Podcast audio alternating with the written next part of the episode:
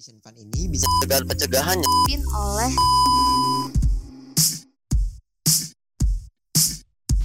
Halo guys, selamat datang di podcastnya Anak Ica, Iklim dan Cuaca. So,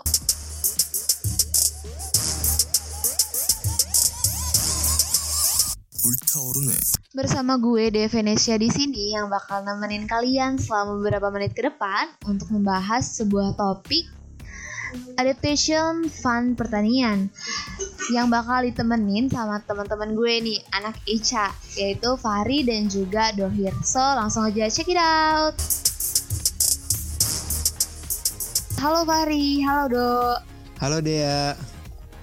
halo dia Halo, gimana nih kabarnya di sana? Sehat-sehat nggak?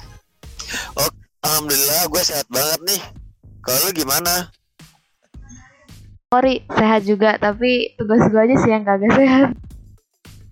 Ah, iya nih sama gue juga Hahaha. Lo gimana, Dok? Ya gue juga sehat-sehat aja sama seperti kalian sih. Tugasnya yang gak sehat. Si Dohir bisa aja. Oke, gue pengen nanya-nanya langsung nih sama teman-teman semua. Oke deh, gue pengen nanya dulu nih sama Fahri. Lo kan abis naik gunung kan ya?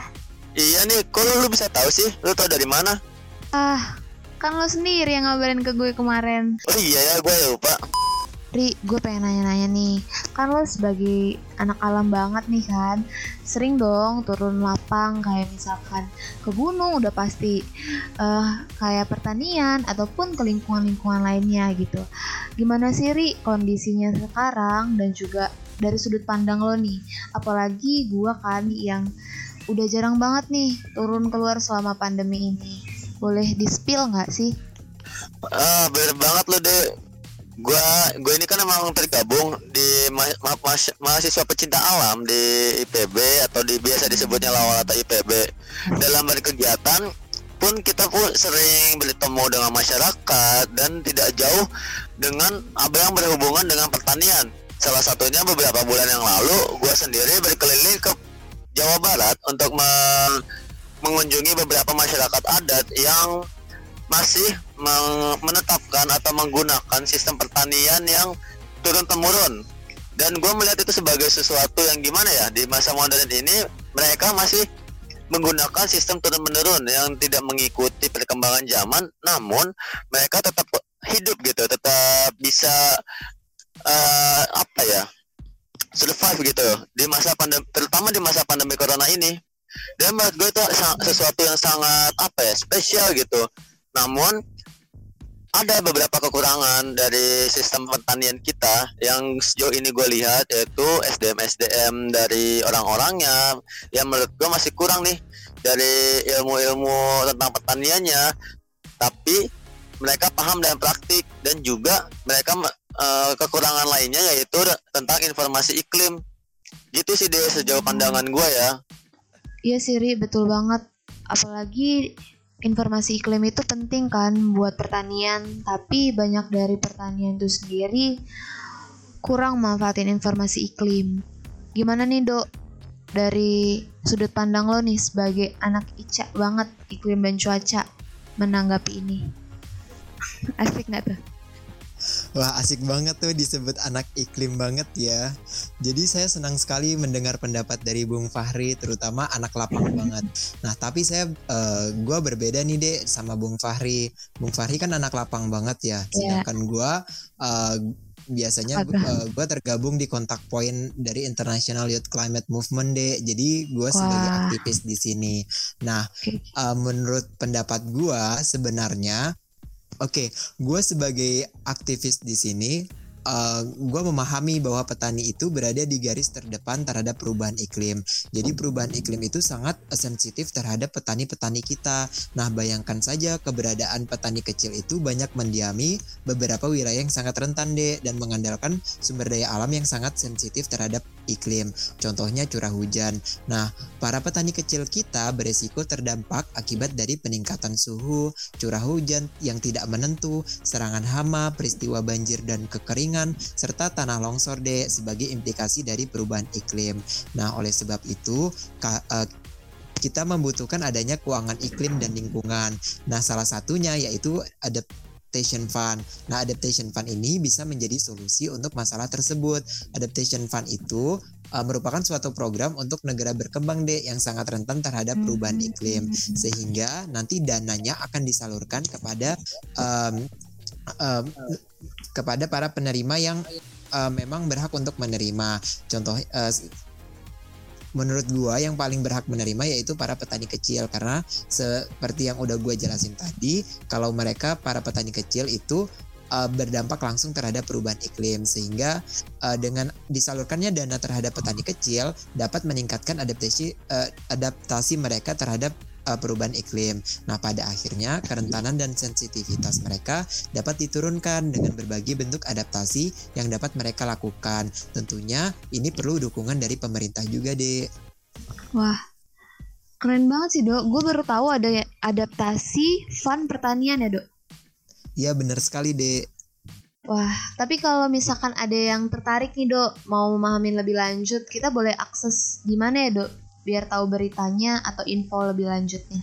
Oke, apabila teman-teman tertarik untuk mempelajari ini, teman-teman bisa uh, membuka websitenya UNFCCC dan atau teman-teman bisa membaca report dari uh, Conference of Parties. Nah, di situ ada namanya climate finance. Untuk climate finance ada beberapa uh, fund yang dapat teman-teman uh, pelajari. Contohnya yaitu Adaptation Fund dan Green Climate Fund.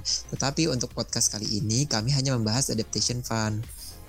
Ah, mantep banget sih dok. Dok, tadi lo bilang ada negara berkembang. Gimana sih maksudnya negara berkembang atau uh, semuanya negara berkembang di dunia atau ada negara-negara uh, yang terkhusus tolak ukurnya gitu maksudnya yang bisa dapatin adaptasi fund pertanian? Uh, jadi tidak semua negara berkembang dapat menerima adaptation fund ini deh. Tentunya ada tolak ukurnya.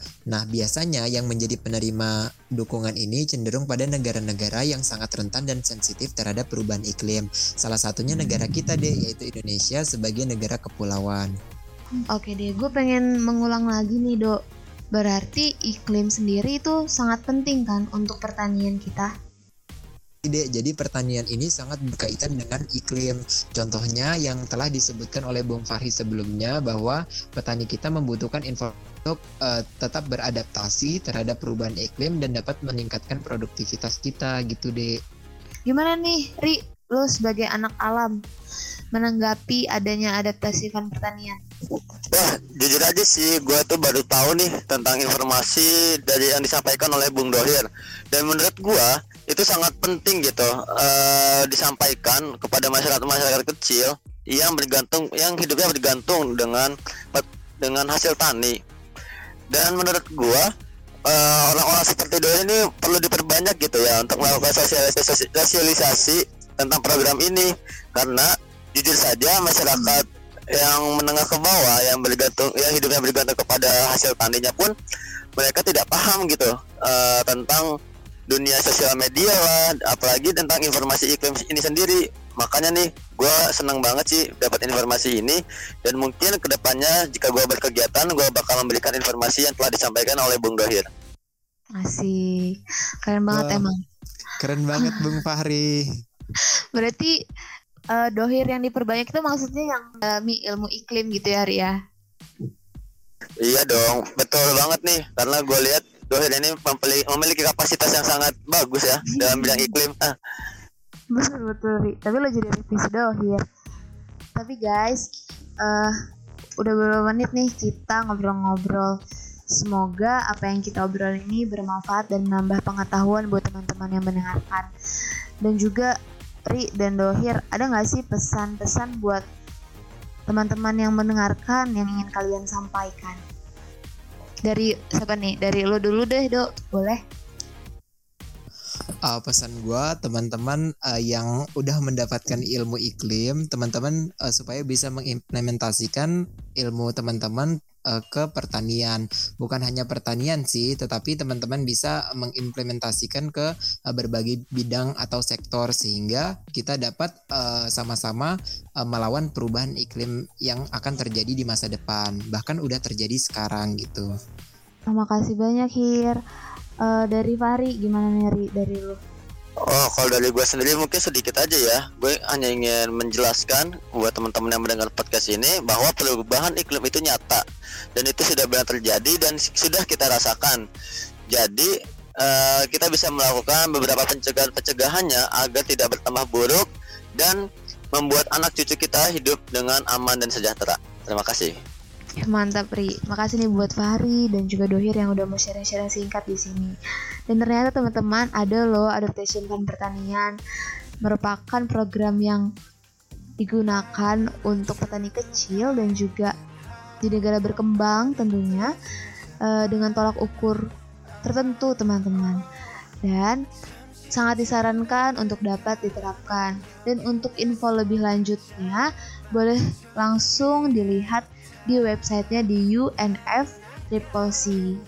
Oke teman-teman, sekian dari podcast kita. Semoga teman-teman dapat mengambil info pentingnya walaupun singkat. Uh, terima kasih telah menemani sampai akhir dan juga mendengar. Semangat terus dan kalau kata BTS, life goes on. Bye bye. Bye. Bye bye. Dadah. Dadah. Masih ya. 세상이 다 변했대